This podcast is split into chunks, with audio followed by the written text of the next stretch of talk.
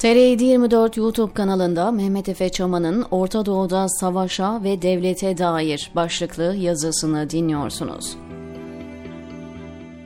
Adil olmayan siyasi yöntemler nedeniyle hayatlarını ya da ailelerini, sevdiklerini kaybeden, yerlerinden, yurtlarından olan, başka yerlere kaçmak, göçmek zorunda kalan, hatta atalarının memleketlerini yaşadıkları sürece bir daha asla göremeyecek olan insanlar, belki de gezegenimizdeki insan topluluklarının çok önemli bir oranına tekabül ediyordur. Savaş olgusu her ne kadar korkunç da olsa insanların teritoriyel bir varlık oluşuyla ilintili. Teritoriyellik bir toprak parçasına bağlı olmak, o bölgeyi güvenliksel ve varoluşsal bir ön koşul olarak görmek anlamına geliyor.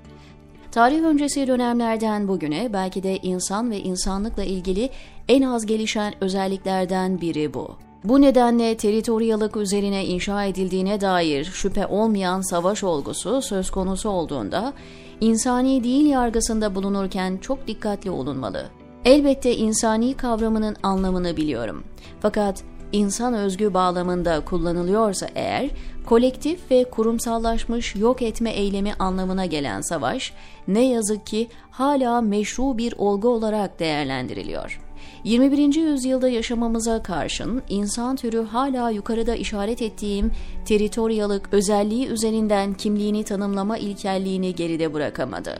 Diğer insan topluluklarının yaşadığı bölgeleri ele geçirmek, tarihte en sık karşılaşılan düzenliliklerden birisi.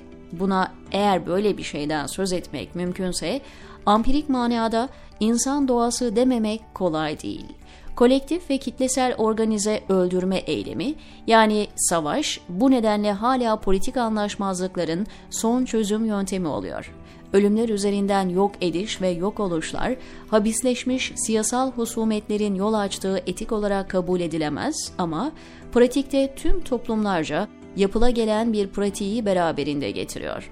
21. yüzyıl dünyası 8 milyara yaklaşan nüfus ve onun getirdiği demografik ve ekonomik, kültürel, sosyal ve politik komplikasyonlar nedeniyle gruplar arası anlaşmazlıkların sıkça yaşandığı bir dünya.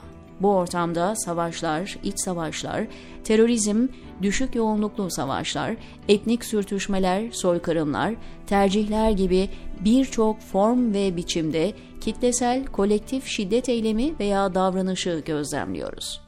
Dahası okullarda çocuklara tarih olarak okutulan derslerde çoğunlukla bu kitlesel kolektif şiddet eylemlerinin kronolojisi ve rekonstrüksiyonu öğretilir. Bu derslerin temelini teritoriyalık oluşturur. Toprak el değiştirmesi olarak görülebilecek sonuç bakımından yaklaşıldığında savaşların bir tür mikser olduğu açık bir topluluğun bir başka topluluğa ait olan toprağı savaş yoluyla ele geçirmesi, birçok sorun yanında kültürel, dini, linguistik ve kimliklere ilişkin bir dönüşümü ve değişimi de beraberinde getiriyor.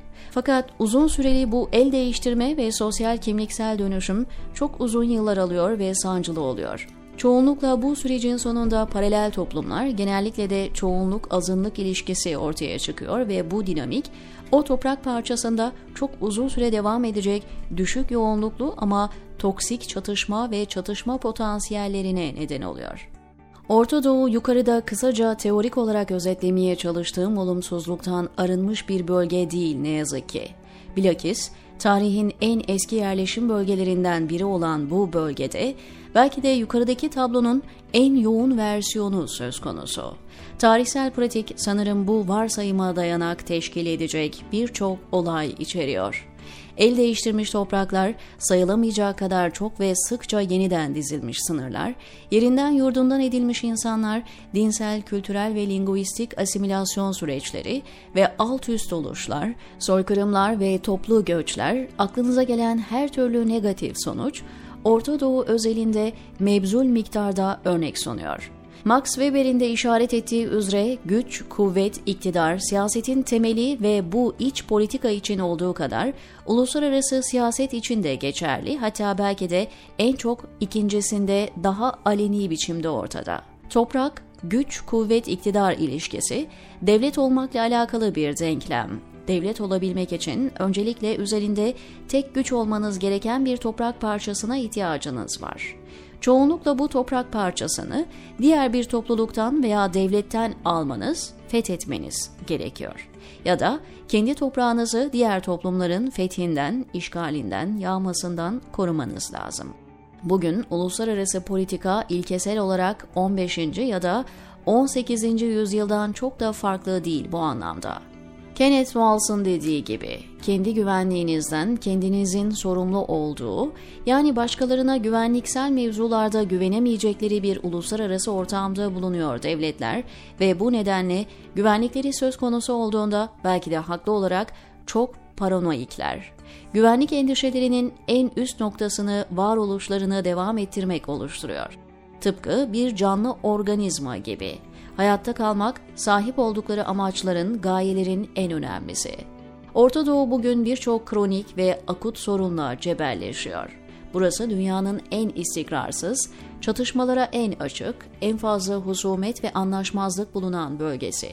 Tarihin sadece en eski uygarlıklarının bulunduğu değil, hatta uygarlığın ilk kez ortaya çıktığı Orta Doğu, günümüzde modern uygarlığa uyum konusunda en çok zorlanan birçok toplumu da bünyesinde barındırıyor. Değişime direniş, dönüşmemeye yönelik geleneksel yapıları korumak, siyaseti siyah beyaz veya sıfır toplamlı bir oyun olarak algılamak, kendileri gibi olmayanlara yaşam şansı tanımamak, farklı olanları kendilerinden daha altta bir kategoriye tasnif etmek gibi savaşları besleyen, çatışmaları canlandıran ve büyüten, yangına körükle giden toksik bir ortam.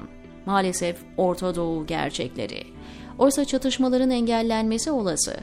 Maksimalizmin yerini uzlaşma, siyah beyaz rigid ayrımının yerini gri tonlar alabilir pekala. Fakat bunun için Orta Doğulular çocuklarını siyasi amaçlarından daha çok sevmeyi öğrenmeli. Bu dünyayı cennetleştirmeyi, yani barışı ve huzuru öbür dünyadaki cennetten daha fazla ya da daha az onun kadar önemsemeli, diyor Mehmet Efe Çaman TR724'teki köşesinde.